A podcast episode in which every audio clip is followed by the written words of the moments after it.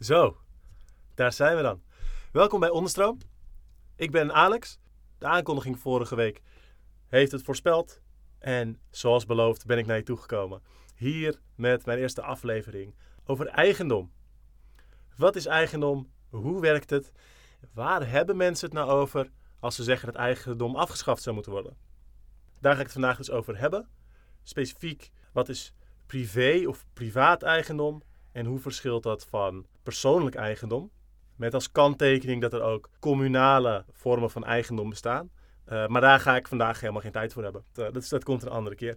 Daarnaast ga ik een paar uh, misvattingen en stroommannen opzij proberen te zetten. In de hoop dat ze bij iedereen lekker uit het beeld blijven. Um, kortom, vandaag alles over de hebberts en de gehepten.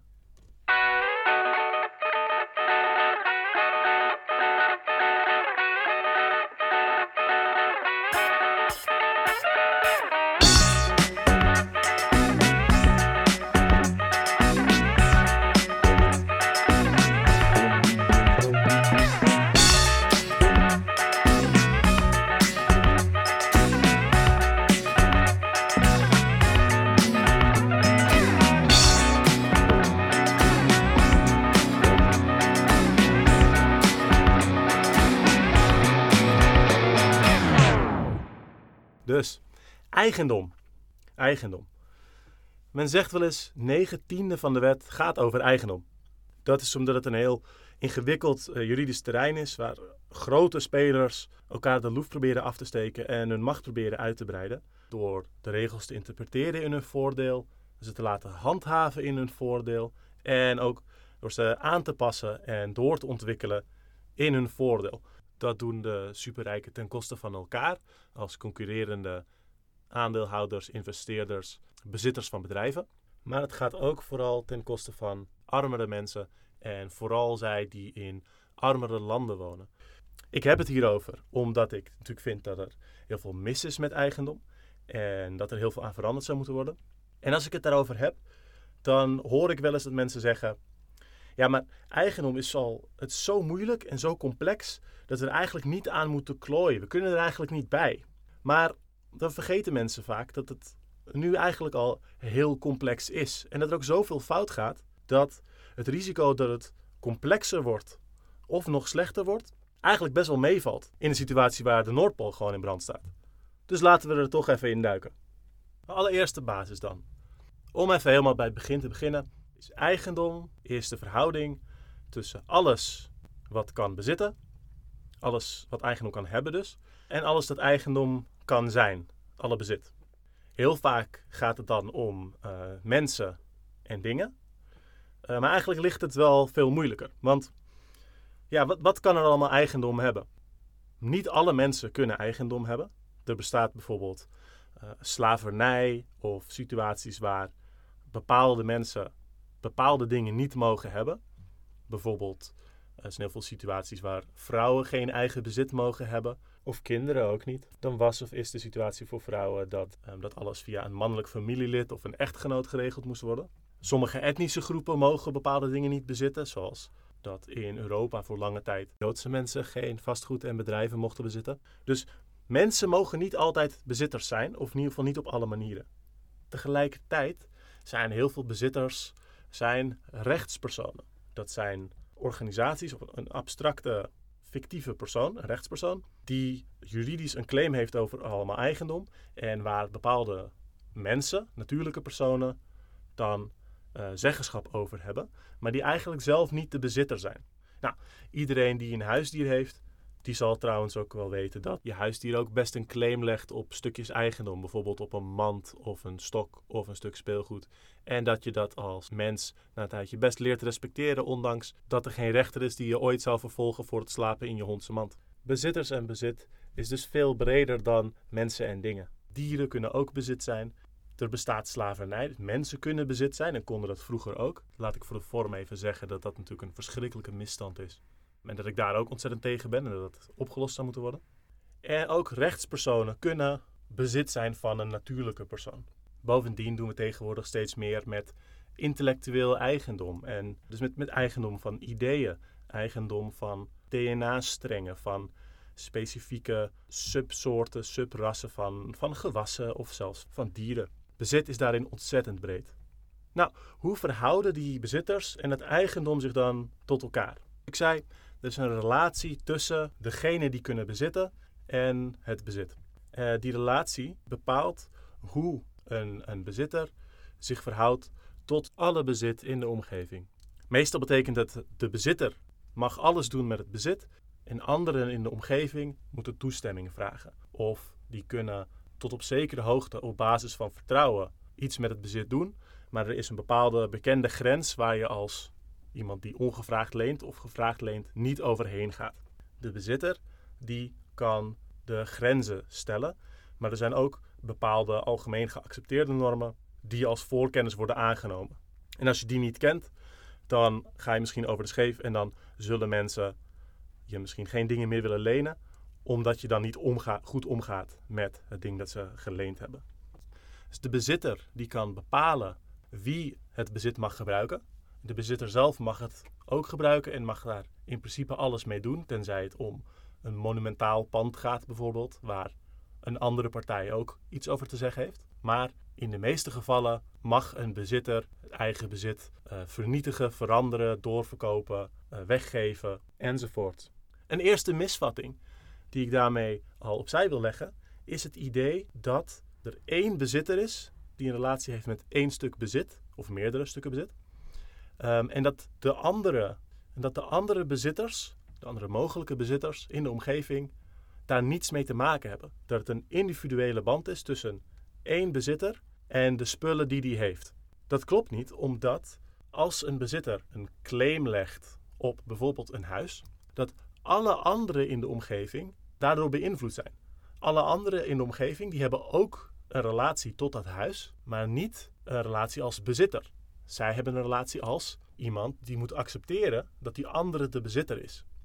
Dus als jij iets bezit, betekent dat dat jij een claim legt op hoe alle anderen in de omgeving zich moeten gedragen.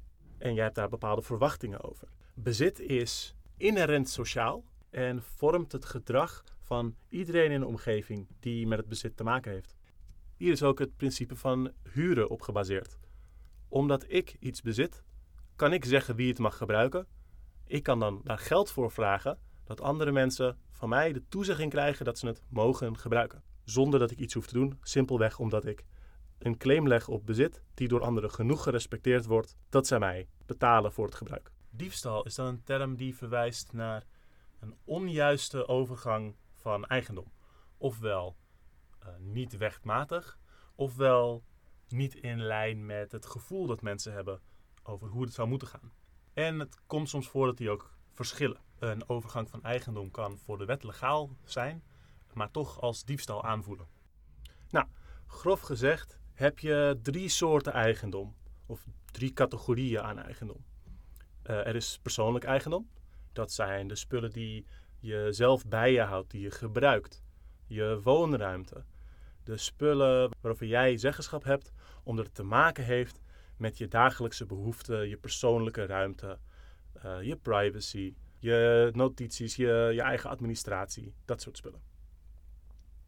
Dan zijn er allerlei vormen van communaal eigendom. Uh, er bestaan allerlei vormen van. Ik heb eigenlijk, zoals ik zei, niet de tijd om er vandaag op in te gaan. Ik vind het belangrijk om te zeggen dat er allerlei vormen van communaal eigendom, gemeenschappelijk eigendom bestaan, waarbij mensen daar samen mee omgaan en dat ze daar veel vrijer dan je bij bijvoorbeeld privaat eigendom daar toegang toe hebt. En dat is eigenlijk een soort persoonlijk eigendom, maar dan van een, van een bredere gemeenschap. En dan dus ten derde privébezit of privaat bezit of eigendom. Privé of privaat, dat is het eigendom waarop ik vooral heel veel kritiek heb. Dat is eigendom dat niets te maken heeft met waar je woont, waar je werkt, hoeveel tijd je ergens ingestoken hebt, wat je nodig hebt. Privaat eigendom is het eigendom dat bij de wet is vastgelegd en dat op papier keihard is uh, afgesproken en dat verder losstaat van uh, van, van menselijke behoeften of gedrag of wat dan ook. Privaat eigendom is eigenlijk een de papieren werkelijkheid waarmee mensen enorm veel macht opbouwen. Over het algemeen wat de grote bedrijven die je kent bezitten, is privaat eigendom. Wat ik zei, een soort papieren werkelijkheid bestaat volgens de wet en bij gratie van de handhaving van de wet. Terwijl uh, persoonlijk eigendom uh, heel erg gebonden is aan hoe je het gebruikt, uh, informele omgang tussen mensen. En het is gebaseerd op een, een idee ook van, van gebruiksrecht. Dat omdat jij ermee bezig bent, heb je daar een bepaalde claim op. Wat we, wat we nu volgens de wet als eigendom tellen, is bijna eigenlijk allemaal privé-eigendom. Wat ik zeg, omdat meer communale vormen in de huidige situatie vaak via een rechtspersoon gaan, die dan dat als privé-eigendom heeft. En veel van iemands persoonlijke eigendom ook volgens de wet niet anders wordt behandeld dan privaat eigendom. Daardoor lijkt het soms alsof er alleen maar privaat eigendom bestaat en alles alleen maar volgens de wet geregeld wordt. Maar dat is eigenlijk uh, niet helemaal waar. Er is, er is ook een manier waarop mensen met eigendom omgaan. En, en niet gesteld dat dat voor alle mensen overal en altijd hetzelfde is. Maar er zijn manieren waarop mensen informeel met elkaar omgaan rondom eigendom best wel afwijken van de wettige regels rondom eigendom. En ik denk dat die, die processen wel op heel veel verschillende plekken tegenkomen, hoewel ze niet op dezelfde manier worden ingevuld. Um, dus er is een soort instinctief of informele manier waarop we met eigendom omgaan, die zich meer baseert op dat gebruiksrecht. Dus dat jij ergens een claim op hebt, omdat je er, erbij betrokken bent, of er tijd in hebt gestoken, of het nodig hebt. Een alledaagse, instinctieve manier van omgaan met eigendom. Instinctief, dat klinkt heel, uh, dat klinkt heel natuurlijk. En dat heeft voor mensen soms een bijsmaak dat het, van pre-sociaal is. Het idee van een, uh, een natuurstaat voordat mensen beïnvloed waren of um, voordat er sociale structuren daarbij gingen bemoeien um, en dat het daarom op een of andere manier echter is of niet. Die invloed die wil ik, die bijsmaak, die wil ik eigenlijk niet hierin meenemen. Ook voordat er zeg maar, landbouw en steden en zo waren, uh, gingen mensen op heel sociale manieren met elkaar om. Ze zijn natuurlijk als dier zo van tot op het bot sociaal eigenlijk. En er bestaat geen onbeïnvloed mens. Ik geloof zelf niet in de ziel, maar mensen zijn niet alleen tot op het bot, maar zelfs tot op innerlijkste wezen sociale dieren. Desondanks zijn er wel overeenkomsten in hoe mensen buiten de wet om, zonder dat er een advocaat bij hoeft te kijken, omgaan met eigendom. En ja, ja mensen staan vaak wel redelijk op één lijn daarmee. Er zijn heel veel conflicten over, maar het is ook een heel belangrijk ding van opvoeding dat je leert omgaan met spullen die door iemand anders geclaimd worden. En met delen met elkaar. Dingen netjes achterlaten. Zo uh, willen mensen willen graag iets van een, een privéruimte. Dat die dan, behalve op uitnodiging, gereserveerd is voor mensen die in een hele intieme sociale kring van de, van de, van de bewoner uh, zich begeven. En mensen willen ook wel graag gedeelde ruimtes. En mensen willen die gedeelde ruimtes vaak eigen maken. En zich vermaken op manieren die de ruimte tekenen en invullen. En ze vinden het fijn om juist in die aangepaste, gepersonaliseerde ruimte rond te hangen. Door die ruimte zo in te vullen naar iets dat wij leuk vinden, maken we het veel makkelijker voor onszelf om ons thuis te voelen. Een soort, uh, een soort nestel, nesteldrang. En een wens om je, om je te kunnen terugtrekken soms. En om een beetje te bepalen wanneer je met wie optrekt en wie die privéruimte binnen mag komen. Omdat we in een situatie zitten waar de, de wet en handhaving daarvan zo, zo makkelijk toegankelijk is voor ons hier in, in, in Nederland in de 21ste eeuw, is het soms een beetje lastig om het over dat instinctieve eigendom te hebben in een soort situatie waar je niet direct al op de wet gewezen wordt. Als je het wil hebben over hoe is het dan in je huis, dan heb je het over hypotheken en huurbazen en uh, verenigingen van eigenaren en collega's op je werk en het bedrijf dat alles uh, om je heen op je werk bezit. Het is lastig om het een beetje apart te bespreken. Uh, dus laten we een heel simpele situatie pakken. Stel, je bent op het strand. En nou, als je op het strand bent, dan raap je vaak al schelpen op. vindt het misschien mooi, of je verzamelt ze, of je denkt, nou, dat is leuk voor de kids of zo. Omdat jij die schelpen, voor zover je weet, voor het eerste oppakte, accepteren de mensen om je heen doorgaans dat het voortaan jouw schelpen zijn. Als er een conflict overkomt, bijvoorbeeld uh, iemand anders wil die schelpen, dan zal die die claim weerleggen. Die zal zeggen: Nee, ik zag ze eerst. Uh, maar dan alsnog zullen mensen in de omgeving meestal accepteren dat degene die het eerste de moeite ervoor deed om een hand in het zand te steken, dat die meer recht op de schelpen heeft. En als iemand ze van je afpakt, dan zullen mensen meestal zeggen dat het niet terecht is, omdat jij de schelpen al claimde als bezitter die een, een bezit kan claimen. In dit geval omdat het schelpen op het strand zijn, waren ze nog van niemand en kom je ze zo tegen en, en zijn ze vrij om te claimen. Dan kun je die schelpen oppakken en dan zijn ze voortaan van jou. Omdat jij er was, omdat jij uh, er iets mee wil, omdat jij ze hebt opgepakt. Als jij vervolgens die schelpen dan achterlaat en anderen op het strand hebben niet het idee dat je deze schelpen wou houden of dat je er nog voor terugkomt, dan worden de schelpen weer als van niemand gezien. En dan kan de volgende, die kan ze gewoon weer oppakken en dan zal, het, dan zal er niets gebeuren verder. Maar als jij aangeeft dat je die claim wil vasthouden, als je tegen iemand op de handdoek verderop zegt: Hé, hey, laat jij even op me schelpen, dan zullen mensen iets van een poot uitsteken om jouw claim te verdedigen als er iets gebeurt. Omdat, zoals ik zeg, uh, een claim op bezit zegt iets over hoe andere mensen zich tegenover dat bezit moeten gedragen. Het gaat niet alleen om jou. Dus als je het iemand hebt laten weten en jij loopt even weg en iemand anders probeert aan diezelfde schelpen te komen, heb je grote kans dat mensen zullen zeggen: Hé, hey, die andere die was er nog mee bezig hoor. Maar er zijn meer schelpen, geen zorgen.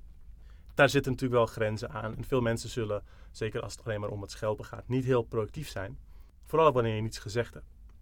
Maar ik denk dat iedereen die dynamiek wel herkent. Met de spullen die je bij je had, uh, en die er belangrijker uitzien, werkt dit nog veel meer. En als iemand het zou willen stelen, dan weet hij dat uh, je meestal rekening mee moet houden dat anderen het niet zien. Of dat je heel erg met de spullen rondloopt alsof je ze al bezit, in de hoop dat niemand je gaat afbluffen. Het gaat nog verder als je op het strand begint met het bouwen van een zandkasteel. Krijg je grotendeels dezelfde dynamiek als met die schelpen, behalve dat het voor mensen vaak symbolisch veel sterker is. Mensen zien duidelijk dat jij ergens tijd insteekt en dat je er bedoelingen mee hebt. En zij kunnen, ze kunnen eventueel waarderen dat jouw inzet iets toevoegt aan het strand als je iets moois maakt. Uh, of, ze gunnen, uh, of ze gunnen jou je vermaak daarmee, of ze vinden het leuk als je ermee bezig bent. Een kind dat een zandkasteel maakt, dat vinden mensen dan schattig. Als iemand er dan gewoon doorheen zou lopen, ook als jij even weg bent, is een grote kans dat hij daar iets over te horen krijgt. Uh, dat hij daar iets van ongemak aan vindt, omdat mensen uh, elkaars claim daarin respecteren.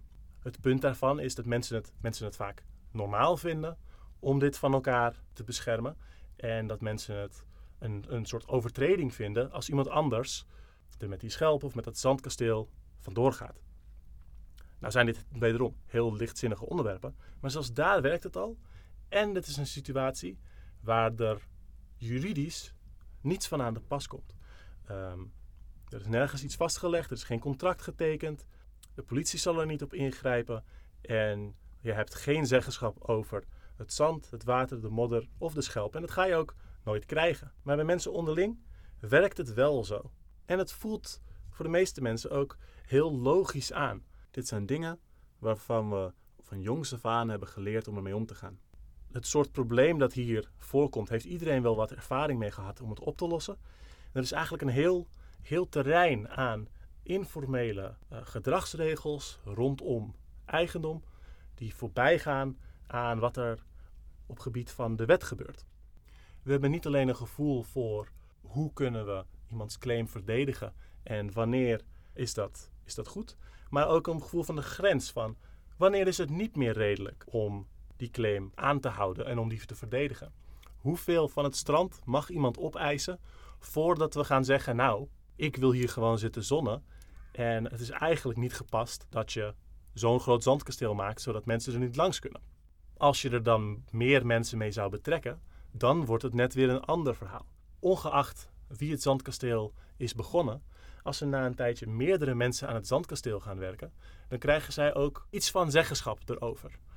Uh, ze zullen daar niet altijd een beroep op doen, maar als je samen aan zo'n zandkasteel gaat werken, dat volgens de wet niemands bezit is, dan volgt daaruit dat er iets van een overeenstemming komt dat iedereen die er moeite in heeft gestoken, daar wel, daar wel iets over kan zeggen. Dat mensen vaak ook wel ook redelijk gul zijn naar elkaar over. Nou, weet je wat, ik vind het parasolletje van jouw cocktail heel erg lelijk, maar jij mag hem wel op het torentje zetten, omdat jij dat zo fijn vindt en omdat we er zo lekker samen aan gewerkt hebben om dat zandkasteel te bouwen. Dus je hebt iets van instinctieve, informele omgangsregels rondom eigendom. En je hebt eigendom volgens de wet. En die grijpen constant in elkaar. Het sociale terrein eigendom is dus eigenlijk een heel warrig landschap waar verschillende dingen door elkaar gebeuren. Maar waar in toenemende mate steeds uh, de, het juridische terrein zeg maar, zich uitbreidt. En wanneer die twee, die twee een, een, een botsing hebben, dan als er iets van handhaving mogelijk is, dan zal de juridische set regels altijd de boventoon voeren. Um, dus bijvoorbeeld, stel je werkt in een kantoor en het is een kantoor van een groot bedrijf, dan zijn in principe alle spullen die zich in het bedrijf bevinden, die zijn het privaat eigendom van het hele concern. En zelfs in die context zullen verschillende collega's, mensen die op het bedrijf werken, um, die zullen alsnog een, een, lokale claim vaak leggen. Dus zeggen, nou, dit is, dit is mijn stoel en ik zit daar altijd. Ik heb die afgesteld zoals ik dat fijn vind. En mensen weten dat. Ik heb misschien een sticker opgeplakt, zodat mensen het kunnen herkennen.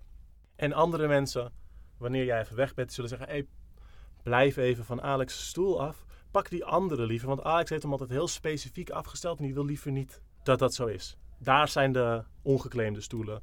Daar zijn de stoelen van de mensen die zomaar even binnenkomen vallen. Of misschien hebben mensen dat uh, met hun bureau. Als je een, uh, veel bedrijven hebben een open kantoor en vaak met een clean desk policy. En vaak zie je dan dat toch dat sommige mensen toch wel een bepaalde plek een beetje proberen te claimen en daar uh, net wat meer hun spulletjes achterlaten, net iets meer van een, van een stiekeme versiering toch nog achterlaten. En dat mensen toch wel een, een, een bepaald respect hebben voor die claim. Ondanks dat zij en degene die de claim legt, allebei weten dat het voor de wet helemaal niet geldig is. Dus het is een soort gelaagd uh, systeem waar verschillende soorten logica door elkaar lopen. En wanneer het er echt op aankomt, bijvoorbeeld als iemand de bedrijfsbureaustoel mee naar huis zou moeten nemen, dan pas komt de, de echte juridische kant erbij kijken. En dan gaat het om geld. En dan zal er een situatie komen dat je of gezegd wordt: dit is niet jouw stoel en deze blijft op het kantoor. Of dat je contractueel gaat vastleggen dat jij een stoel in bruikleen hebt. Zoals ook met een bedrijfslaptop of een bedrijfsauto het geval is. Dus je hebt een wisselend terrein van verschillende soorten eigendom uh, door elkaar. En er wordt niet altijd direct een beroep gedaan op de wetmatige vorm. Dat instinctieve van eigendom, dat is niet iets dat we zomaar doen. En het is ook niet iets dat alleen maar een snelle oplossing is voor problemen die op het moment voorkomen, omdat we niet altijd de tijd hebben om naar de rechter te stappen. Uh, het is iets dat veel, veel dieper ligt bij mensen. Mensen zijn namelijk heel veel bezig met het indelen van hun ruimte en hebben een heel sterke psychologische binding met van alles om zich heen. De, de mensen, de ruimte, de spullen. Ja, van gereedschap tot notities, tot kleding. Mensen zijn heel sterk maar, geestelijk verbonden met wat er om hen heen gebeurt. Zoals ik zei, mensen zijn natuurlijk geen losse atomen. Mensen zijn sociaal en interdependent. Dus aan elkaar verbonden en onderling afhankelijk. Tot op hun, hun diepste innerlijk. En je sociale situatie en je omgeving hebben een grote invloed op je geestelijke gesteldheid. Wanneer je omgaat met andere mensen, ben je tot op zekere hoogte een ander persoon dan in een ander gezelschap. Want mensen halen verschillende kanten in jou naar buiten. En zoals zwart, zeg maar dus de, de afwezigheid van licht, zoals dat in menselijke ervaring ook een kleur is.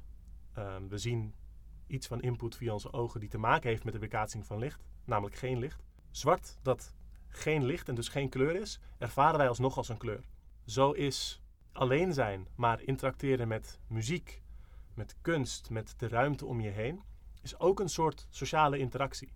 De, de manier waarop wij met mensen interacteren en hoe dat onze, onze hersenen en onze hormonen en et cetera, hoe dat dat beïnvloedt, dat is niet essentieel anders dan andere dingen. Die, die sociale vorming, die loopt door. En het is dus niet alsof je in je eentje je echte zelf bent. Het is gewoon anders dan, een sociale, dan hoe je in een sociale situatie bent. Maar het werkt wel op veel van dezelfde manieren. Activiteiten, bewegingen, dingen doen hebben allemaal invloed op je, op je psyche. Veel verslaving werkt bijvoorbeeld, uh, naast een chemische verslaving, door spiergeheugen. Het werkt doordat mensen een bepaalde lichamelijke gewoonte hebben, waardoor ze bijna automatisch dingen gaan doen die met die verslaving te maken hebben, wanneer ze in een bepaalde situatie passen. Mensen die stoppen met roken bijvoorbeeld krijgen ontzettend onrustige handen. En de handeling van het roken, bezig zijn met je handen en je mond en jezelf daarmee makkelijk een houding geven in sociale situaties, dat is vaak nog veel verslavender en lastiger om vanaf te komen dan alleen de chemische verslaving aan nicotine. Dus nou goed, terug naar je spullen. Denk, denk eens aan een object dat je vaak gebruikt of waar je handig mee bent. Uh, denk aan hoe, hoe instinctief en, en, passend het voelt om, om te schrijven of te tekenen met een pen. Of om te eten met het bestek dat je gewend bent. Uh, ik vind het zelf altijd ontzettend bijzonder uh, om, om te realiseren hoe sterk mensen zich kunnen vereenzelvigen met de objecten die ze gebruiken. Als je een getalenteerde snowboarder ziet of iemand die allemaal zo'n pen op alle manieren zo in die hand kan ronddraaien.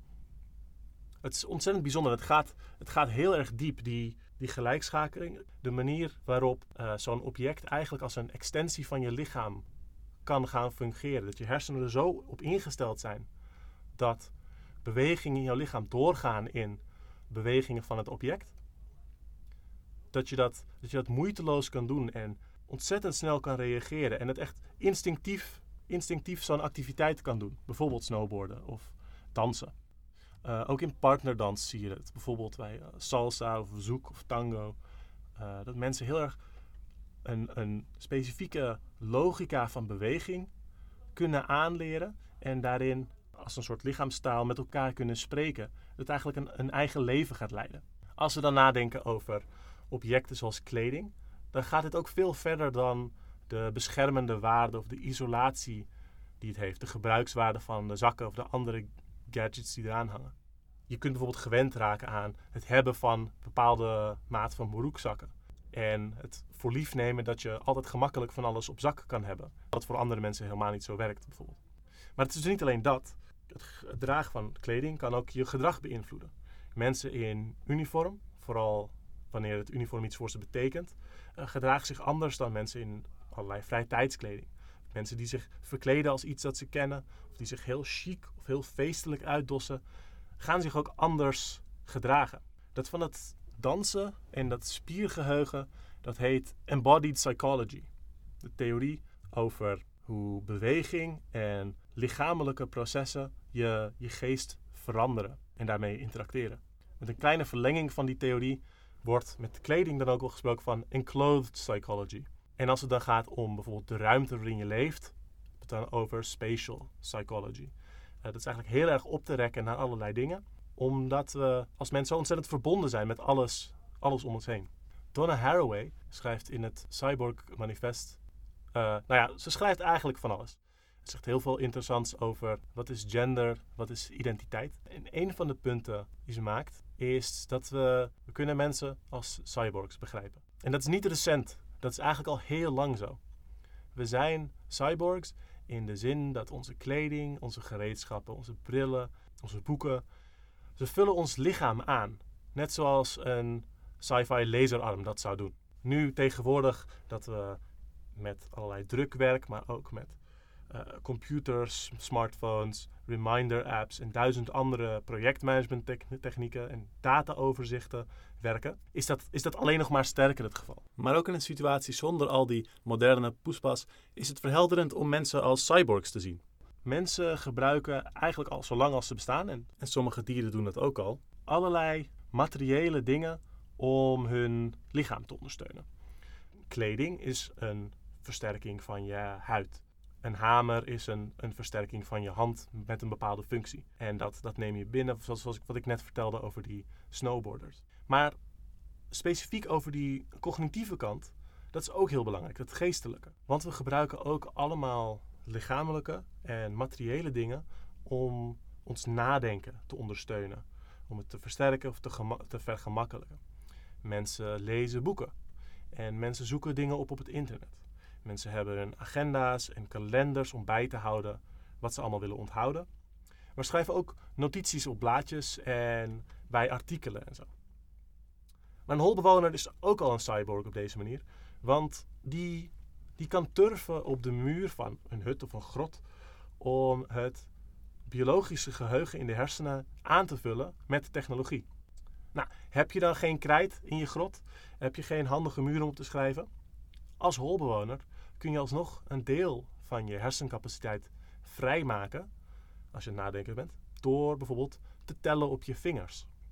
Dat is eigenlijk al een naar buiten plaatsen, een soort van uploading van een deel van jouw hersencapaciteit naar iets daarbuiten dat het voor jou kan opslaan, voor het gemak. Nou, dat zijn online kalenders vaak nog voor iedereen duidelijk te volgen, maar handgeschreven notities en artikelen zijn voor andere mensen dan de schrijver meestal compleet onafvolgbaar. Uh, die gebruiken geheugensteuntjes die alleen de schrijver zelf kan begrijpen, laat staan lezen. Uh, en waarvan de indeling ook meestal niet bij te houden is. Bedenk hoe het is om iets in je eigen notities terug te vinden tegenover hoe het is om iets te vinden in de notities van iemand anders, die iemand anders geschreven heeft. Mensen delen uh, hun omgeving en hun leefruimte op een bepaalde manier in. En die ook helpt met hun gedachten te organiseren en hen te maken tot de persoon die ze zijn. Ze gebruiken die, die ruimte, die indeling, die objecten, om gewenste eigenschappen in zichzelf naar voren te brengen. Om het gemakkelijker te maken om bepaalde gewoontes vol te houden. Zodat je ochtends opstaat en gaat sporten. Of zodat je gemotiveerd bent om dat ding waarvan je droomt daadwerkelijk te gaan doen. In plaats van het maar te blijven dromen. Of om bepaalde gevoelens op te wekken die het makkelijker voor jou maken om praktische doelen te bereiken of de dag door te komen. Woonruimte, je buurt, je algemene leefomgeving is ontzettend belangrijk voor mensen op een heel diep psychologisch niveau. En dat zie je ook bij, bij ouderen en dementie. Ouderen die moeite krijgen met hun geheugen, die gaan altijd ontzettend hard achteruit wanneer ze verhuizen naar een ruimte waar ze de omgeving en de spullen niet kennen, die ze niet uh, zo innig hebben leren kennen dat ze gewoon op het zicht duizend geheugensteuntjes hebben voor, voor waar alles zit. Dat ze niet, dat ze niet een, een mentale kaart klaar hebben die hen helpt om alles te onthouden en te plaatsen. Zodra ze uit die genestelde omgeving wegstappen, worden problemen als uh, Alzheimer vaak veel, uh, veel sterker. Omdat, ze, omdat we als mens zo afhankelijk zijn van die ruimte die we indelen. Mensen snappen dit ook van elkaar. En daarom hebben we allemaal omgangsvormen rondom hoe met elkaars ruimte om te gaan. En welke spullen wel van iemand op te ruimen. En daarom heeft iedereen altijd ruzie met, met ouders en verzorgers over... Oh, je moet niet in mijn kamer mijn spullen opruimen. Dat is, dat is ook voor privacy. En omdat dat ene ding, uh, waarvan tieners denken dat hun ouders niet weten wat het is, uh, dat ze dat niet mogen zien. Um, maar het gaat ook, het gaat ook over die, die psychologische binding uh, en de, de privacy daarvan en je eigen logica aanhouden. Ja, als zij het opruimt, dan kan ik het nooit meer vinden, want ik heb mijn eigen systeem, weet je. Het is, het is zo'n cliché, omdat zoveel mensen het herkennen. Nou, omdat mensen zich zo diep psychologisch binden aan plaatsen, activiteiten, aan elkaar, aan gemeenschappen, dan is het eigenlijk alleen maar logisch dat de regels over eigendom, dat die daar goed op aansluiten. Iets dat wij altijd doen, dat zo belangrijk is voor hoe wij ons leven inrichten en voor onze gesteldheid en voor hoe we met elkaar omgaan, dat dat aan de basis ligt van de regels over eigendom. Zodat we ja, regels hebben die aansluiten op hoe wij werken als mens. Daarom zou het goed zijn, naar mijn mening, dat wanneer iemand iets gemaakt heeft, uh, dat ze er meer zeggenschap over hebben dan een ander. Of dat iemand die ergens woont, hoe langer, hoe meer zeggenschap krijgt. Dit heet gebruiksrecht. Je hebt ergens een claim op omdat je er gebruik van maakt. Uh, omdat je er tijd en arbeid in hebt gestoken. Omdat je er genesteld bent. Omdat je er behoefte aan hebt. En iedereen deelt die behoefte. En jij moet een plek hebben waar je daar zo stabiel als jij wil aan die behoefte kan voldoen. Het betekent ook dat wanneer je die binding niet meer hebt, dat je claim redelijkerwijs wegvalt. Dus iemand die 100 huizen heeft gebouwd in hun leven, hoeft niet al die huizen te bezitten. Je kunt er toch niet wonen. In de huidige situatie is dat, zou dat een, is dat een goede investering, een soort pensioen, om een aantal huizen te bezitten uh, en die te verhuren op je oude dag. Maar als je erover nadenkt, is het eigenlijk belachelijk dat het nodig is om mensen die ergens wonen hun privéruimte te bezitten en hun te dwingen daarvoor te blijven betalen, oneindig, om maar te zorgen dat er op je oude dag voor je gezorgd wordt. We zouden sowieso voor elkaar moeten zorgen, zeker wanneer mensen niet of niet meer kunnen werken. En als je daarvoor de baas moet zijn over iemand anders een intieme privéruimte, dan is er iets fundamenteel mis in de samenleving waarin je leeft. En ik denk dat het een, een goede stap zou zijn in om in plaats van een eigendomsrecht waarin de aankoopakte de ultieme maatstaf van eigendom is, dat we naar een situatie gaan waar gebruiksrecht ook geldt. Oké, dus ik heb uitgelegd dat er eigendom is dat we. Dus ik heb uitgelegd dat meeste eigendom door de, via de wet geregeld wordt en dat dat eigenlijk neerkomt op privaat eigendom. Maar dat er ook eigendom is, uh, of eigenlijk een, een, logica van eigendom die we informeel onder elkaar al gebruiken, uh, maar waar in principe veel meer dingen mee geregeld zouden kunnen worden. En dat noemde ik gebruiksrecht, omdat het uh, gebaseerd is op wat, wat je gebruikt en dat het recht daaruit voortvloeit. Als we, wat ik eerder noemde, communaal eigendom, dus dingen gedeeld bezitten zonder dat het uh, iemands privaat bezit is. Um, als we dat even als een soort spook in de coulissen even achterlaten nog, uh, dan komt gebruiksrecht meer overeen met persoonlijk eigendom. En dus eigendom volgens de wet met privé-eigendom of privaat-eigendom. Op dit moment telt alles wat jij persoonlijk bezit uh, alsnog als jouw privaat-eigendom, omdat het via de wet zo gaat. Maar als we met gebruiksrecht zouden werken, dan zouden de dingen die jij gebruikt en nodig hebt, uh, van de meeste mensen al hun bezit, zou dan gewoon nog van hen zijn, omdat, uh, omdat ze gebruiken. Je rijdt in je auto, je woont in je huis, je eet je voedsel, je slaapt in je bed, je draagt je kleding. Uh, dus dat, dat verandert niet zoveel. Dus daarom kan ik dat persoonlijk eigendom wel onder dat gebruiksrecht regelen. Dat onderscheid tussen persoonlijk eigendom of bezit en privé-eigendom of bezit, het wordt door sommige anderen ook wel eens als het, het verschil tussen eigendom en bezit aangeduid. Dus dan is persoonlijk eigendom is eigendom en privé-eigendom is dan bezit. Ik gebruik dat onderscheid zo niet. Ik vind het duidelijker om persoonlijk tegenover privé te zeggen. En ik vind het heel fijn om eigendom en bezit door elkaar te kunnen zeggen. Wanneer mensen het hebben over kritiek op eigendom, of we zouden eigendom af moeten schaffen, dan hebben ze het eigenlijk altijd over dat privaat eigendom. Je privébezit en jouw eigen huis, et cetera, daar wordt daar helemaal niet mee bedoeld. Dingen als je ondergoed, je kleding, die dingen die met je persoonlijke hygiëne en gezondheid te maken hebben. Het voedsel dat je voor jezelf bewaart in een redelijke, in een redelijke hoeveelheid.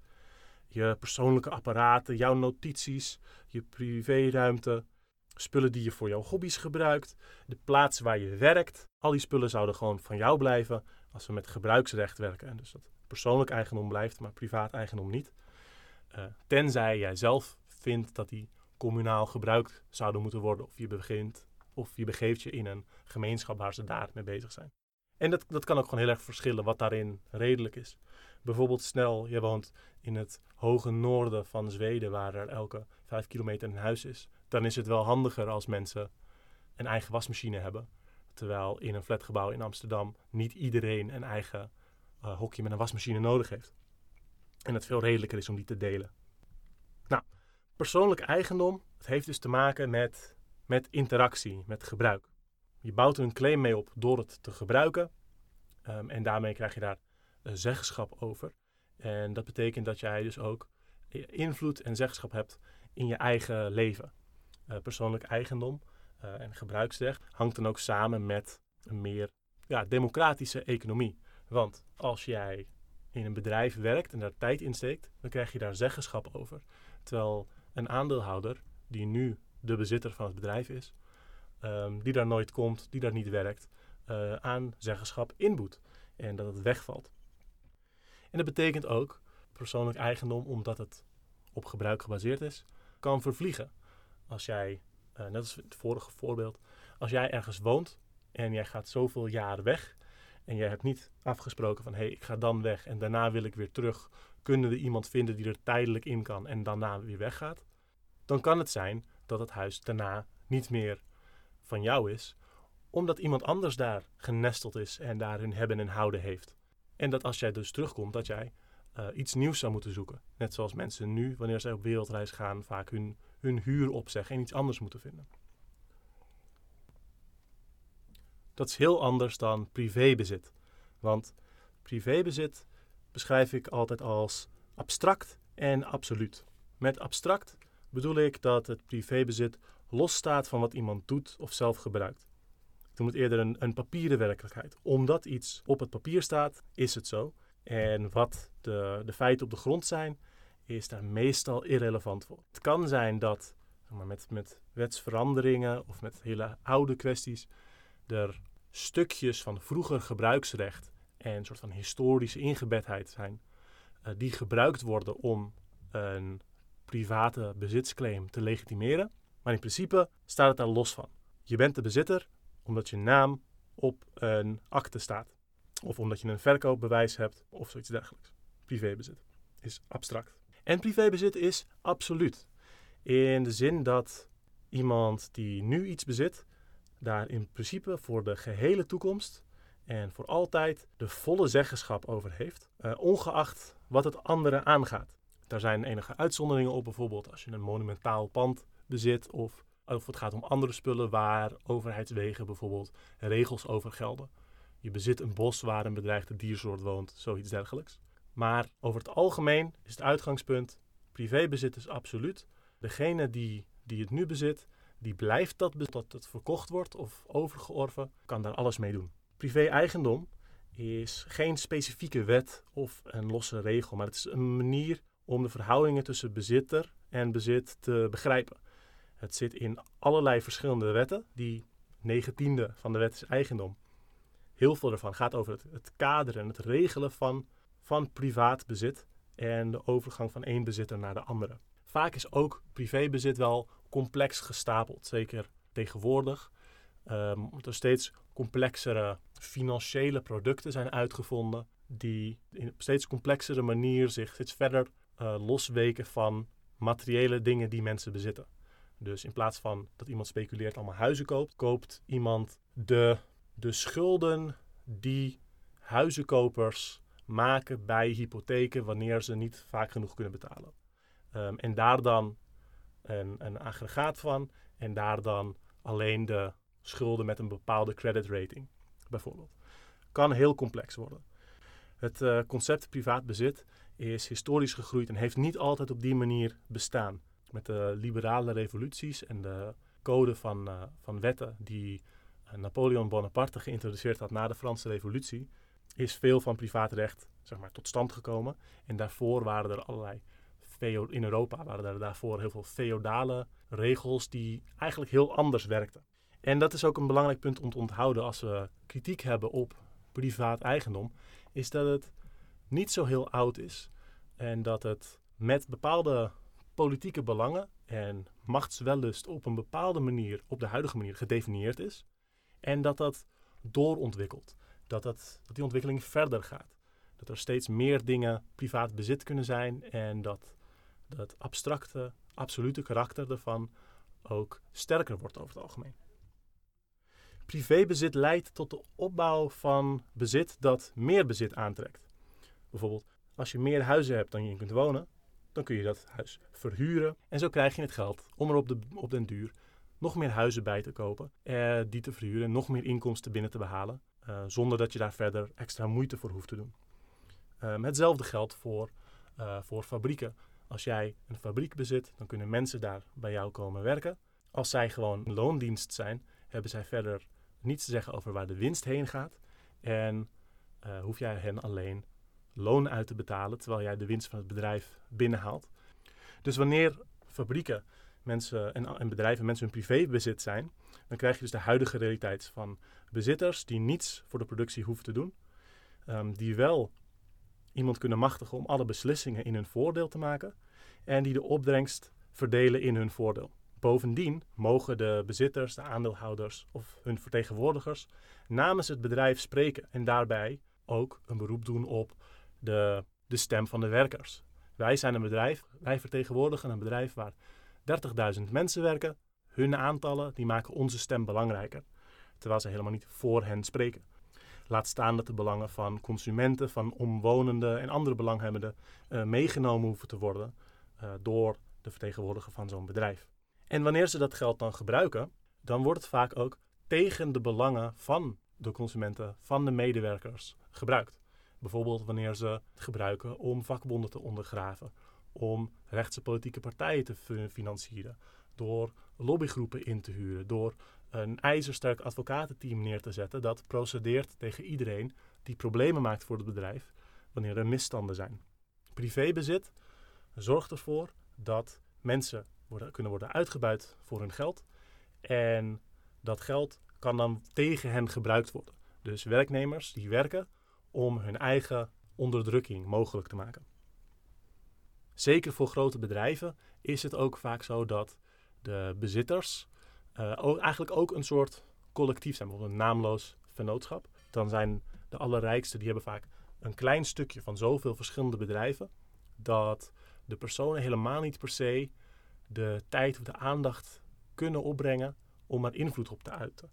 Ehm, waardoor van grootste, grootste bedrijven vaak het bezit ook op een bepaalde manier gemeenschappelijk is. Ehm, maar ook zonder dat de, de bezitter er heel bewust een bepaalde invloed aan kan geven. En dat het eigenlijk vooral werkt via het verkiezen van directeuren, commissarissen, controleurs. Um, en die moeten dan vanuit een vergadering iets van instructies meekrijgen. Maar over het algemeen gaat het dan gewoon om het maximaliseren van winst. En dat is de enige input die ze daar meestal over krijgen. Daarom is het ook heel moeilijk om grote bedrijven hun schadelijke gedrag te laten veranderen. In de huidige regels over eigendom zijn de bezittingen van het bedrijf in handen van alleen het bedrijf zelf. Dat beheerd wordt door vertegenwoordigers van de bezitters. En zij hoeven alleen de winst van het bedrijf te vergroten voor de bezitters. En ze hoeven geen rekening te houden met wat andere belanghebbenden ervan vinden.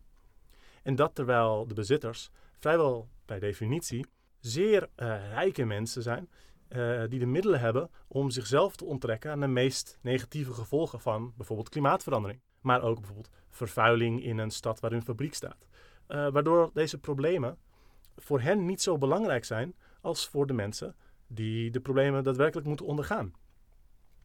Omdat van grote bedrijven het privé-eigendom zo gespreid over verschillende bezitters verdeeld is, is het heel moeilijk om zelfs voor een een rijke aandeelhouder die iets wil veranderen in een bedrijf, om tegen de, de invloed van de markt in te gaan. Om in te gaan tegen de verplichting als bedrijf om zoveel mogelijk winst te maken en meer dan de concurrenten. Omdat als het bedrijf dat niet doet, dan gaat het ten onder.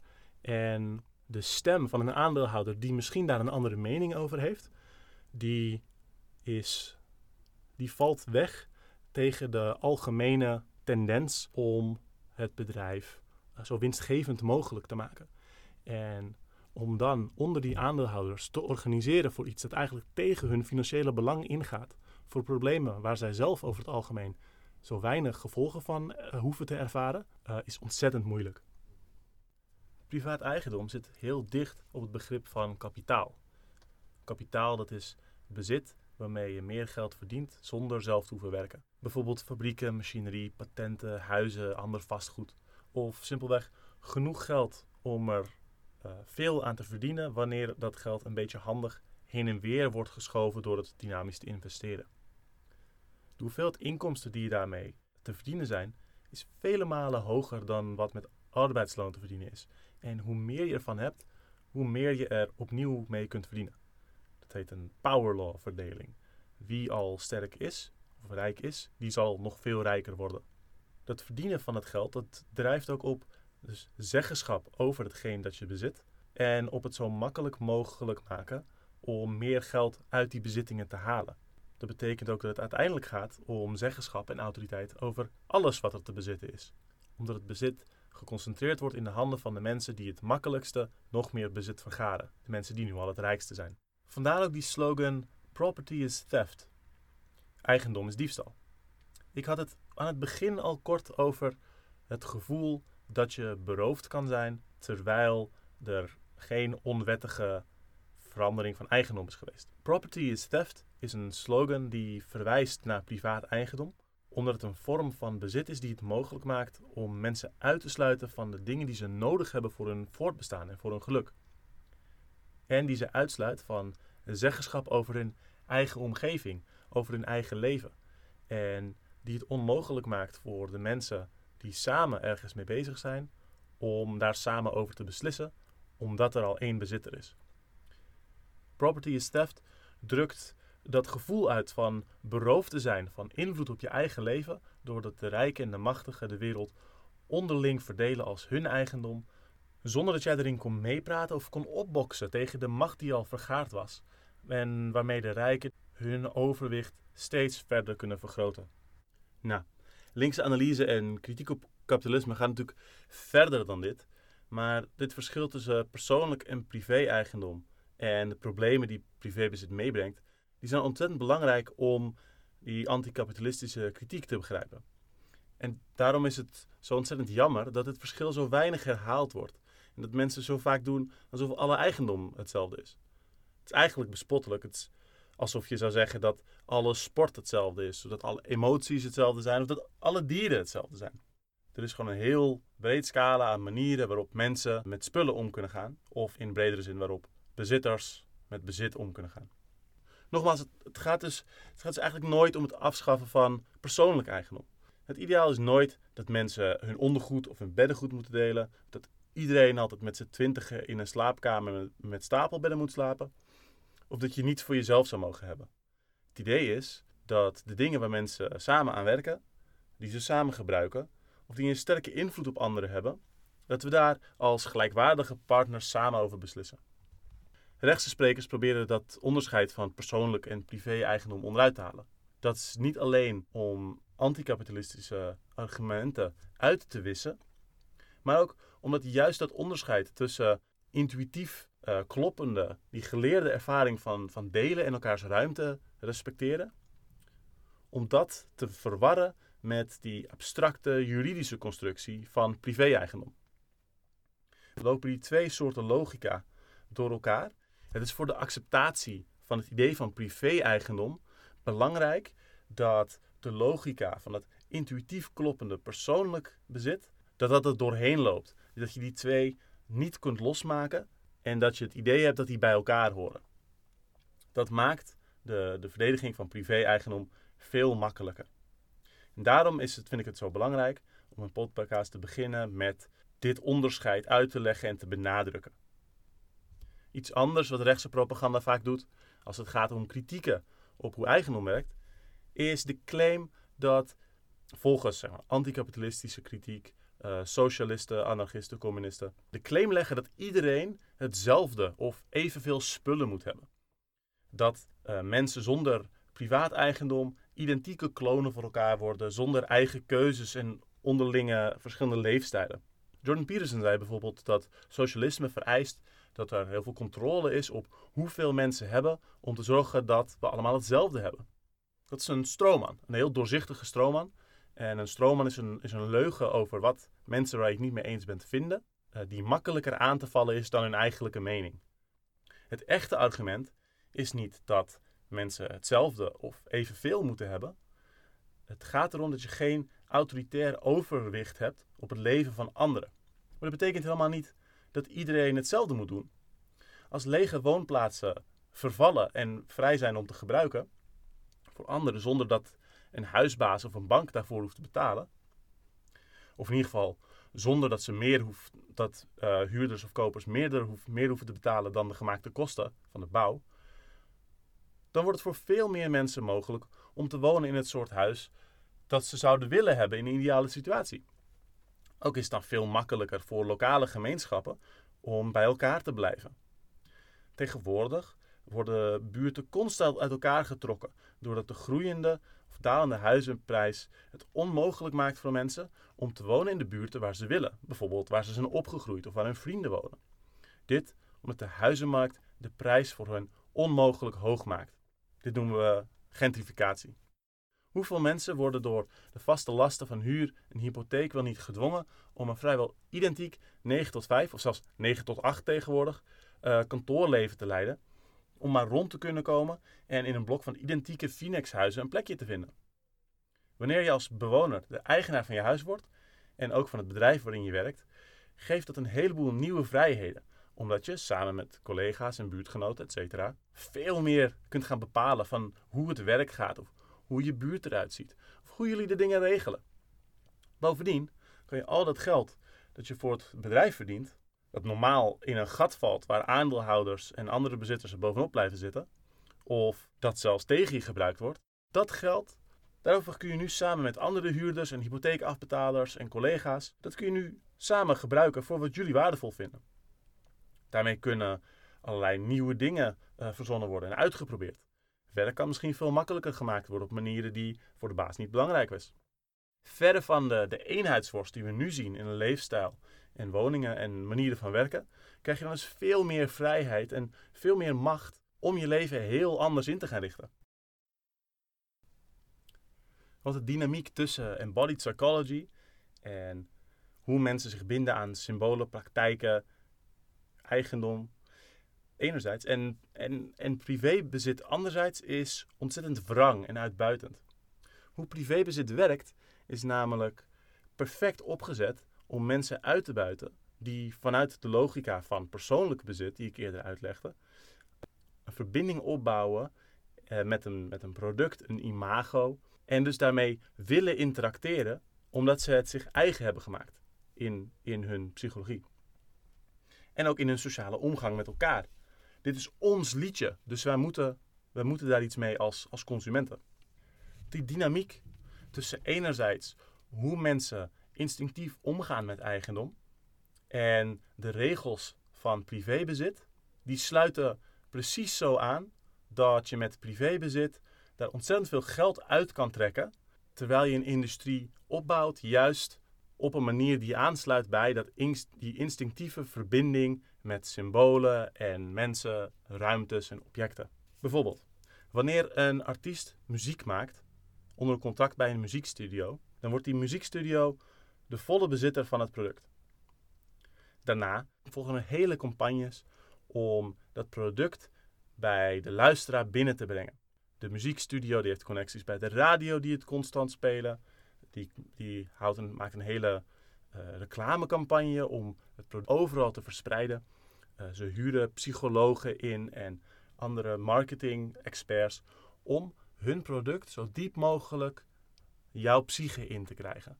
De, ze willen dat je de muziek kan dromen. Ze willen dat je, dat je ermee identificeert. Ze willen dat het reflecteert wat jij of al vond of nu denkt dat je al vond. En ze willen dat, dat je het zo erg je eigen maakt dat je ervoor gaat betalen. En het feit dat, dat zij dan een, een, een paywall erop mogen opzetten, terwijl mensen vanuit een. Het is natuurlijk ontzettend logisch dat mensen zich zo met bijvoorbeeld bij het voor. Het is natuurlijk ontzettend logisch dat mensen zich zo met bijvoorbeeld een liedje identificeren. Uh, en daar ook zelf mee, mee aan de slag willen en dat uh, willen kunnen herhalen. Omdat mensen komen, uh, evolutionair gezien, van een orale cultuur, orale geschiedenis. En muziek is ontzettend belangrijk om je gedrag te coördineren, om kennis behapbaar oraal over te brengen.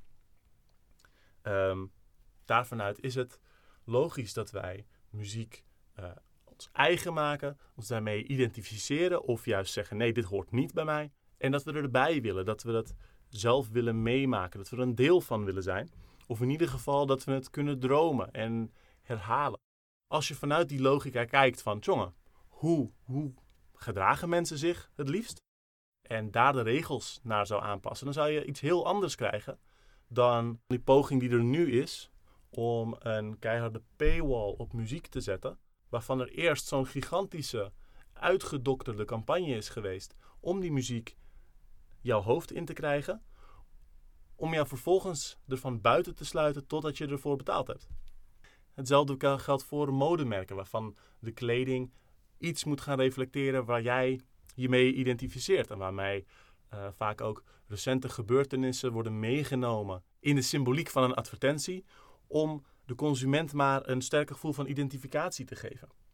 Maar het gaat ook verder, bijvoorbeeld bij computerspellen. Computerspellen die tegenwoordig steeds verslavender gemaakt worden en als omgeving steeds meer worden ingericht om zoveel mogelijk geld en zoveel mogelijk tijd uit je los te weken en ja, zoveel mogelijk advertenties tussendoor te laten zien, tenzij je daar nog meer voor betaalt.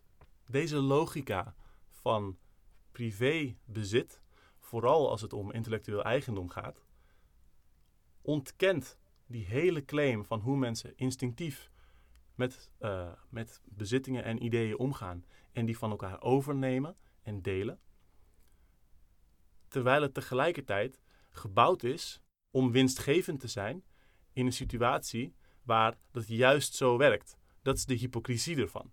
Het is juist omdat privébezit zo verschilt van hoe mensen in de praktijk echt werken, dat je in de oplossing van het verschil, zeg maar die, die spanning die mensen voelen tussen, ik identificeer me ergens mee, maar ik kan er niet bij vanwege uh, een paywall, dat je in de oplossing van dat verschil ontzettend veel geld kan verdienen. En privé-eigendom is ook niet uit de lucht komen vallen. Um, en het staat niet stil. In de afgelopen decennia is het aantal dingen dat in de abstracte zin eigendom kunnen zijn van een private bezitter is sterk uitgebreid. Intellectueel eigendom is een steeds belangrijker thema en het wordt ook opgerekt wat daaronder kan vallen. Het gaat niet alleen om cultuurproducten, maar het gaat ook om, om chemicaliën, om medicijnen, om het DNA van verschillende soorten planten en dieren, ofwel levensvormen die ontwikkeld worden in een laboratorium, ofwel plantensoorten en schimmels of wat dan ook, die in een jungle ergens door iemand worden ontdekt. Alsof daar niet al mensen woonden die die plant waarschijnlijk al lang kenden eh, en die het vervolgens aan een bedrijf verkoopt. Dit is een voortzetting van eerdere ontwikkelingen in eigendomsrecht. Afhankelijk van hoe je het precies definieert, kan privé-eigendom zo oud zijn als de eerste koninkrijken of zo oud als de landbouw. Als je het strakker gekaderd wilt hebben als rechtspersoon gebonden eigendom dat sterke bescherming geniet tegen overdracht, behalve met instemming van de bezitter, dan wordt de oorsprong van privébezit meestal geplaatst rond de tijd van Napoleon. Omdat Napoleon Bonaparte na de Franse Revolutie een nieuwe code van wetten invoerde, uh, waarmee veel van uh, liberaal privé-eigendom geformuleerd werd en het werd een model voor de wetten van veel andere landen. Privé-eigendom is niet iets dat al eeuwig bestaat en waar we van af moeten blijven, maar het is iets dat constant veranderd wordt en waarmee bepaalde belangen constant versterkt worden. Het is niet iets dat nu stil ligt, dat we maar niet wakker moeten maken, omdat het misschien problemen zou veroorzaken. Het is een, een situatie waarbij er constant harder wordt getrokken aan een tapijt waar we met z'n allen op staan. Belangrijk is het ook om te zeggen dat die regels afhankelijk zijn van hun handhaving. En die handhaving wordt vaak selectief toegepast of geïnterpreteerd op een manier die nog extra gunstig is voor de grootbezitter of voor binnenlandse ondernemers tegenover ondernemers in andere landen. Uh, zo werden in kolonies doorgaans de eigendomsrechten van uh, bezitters aanzienlijk minder beschermd. En werd er door bedrijven massaal eigendom geplunderd of geclaimd, als het hunne, ongeacht wat voor claims er eerder lagen. Ook in het Verenigd Koninkrijk en recenter in Colombia werd land dat al eerder door lokale boeren beheerd werd, of van de lokale gemeenschap was, door de staat op de markt gezet en verkocht. Waardoor het van gedeelde middelen van de lokale gemeenschap overging op privébezit, dat in praktijk neerkomt op autocratie van een uh, private bezitter. Op dit vlak en op veel andere gaat de ontwikkeling van privé-eigendom samen met een situatie waar kapitalisten met geweld grijpen wat ze grijpen kunnen, om zich daarna door de staat en de wet te laten verdedigen. Als ik met mensen praat over deze kritiek op privébezit en het idee dat persoonlijk eigendom belangrijk zou moeten zijn, dan zeggen mensen wel eens tegen me: ja, maar wat, wat gebeurt er nou met een samenleving waar zulke grote veranderingen plaatsvinden? Moeten we daar wel aankomen? Ik vind het belangrijk om te benadrukken dat die regels niet zomaar uit de lucht komen vallen, maar dat ze deel uitmaken van een constante ontwikkeling die een bepaalde richting ingetrokken wordt door machtige belanghebbenden die hun macht proberen uit te breiden. En dat er geen situatie is van een, een, een slapende hond die wakker gemaakt kan worden wat problemen veroorzaakt, maar van een wakkere hond die keihard aan het trekken is aan het tapijt waar wij met z'n allen staan. En we hebben al helemaal niet zoveel plek meer over. Het heeft al heel veel van het tapijt mee naar buiten getrokken.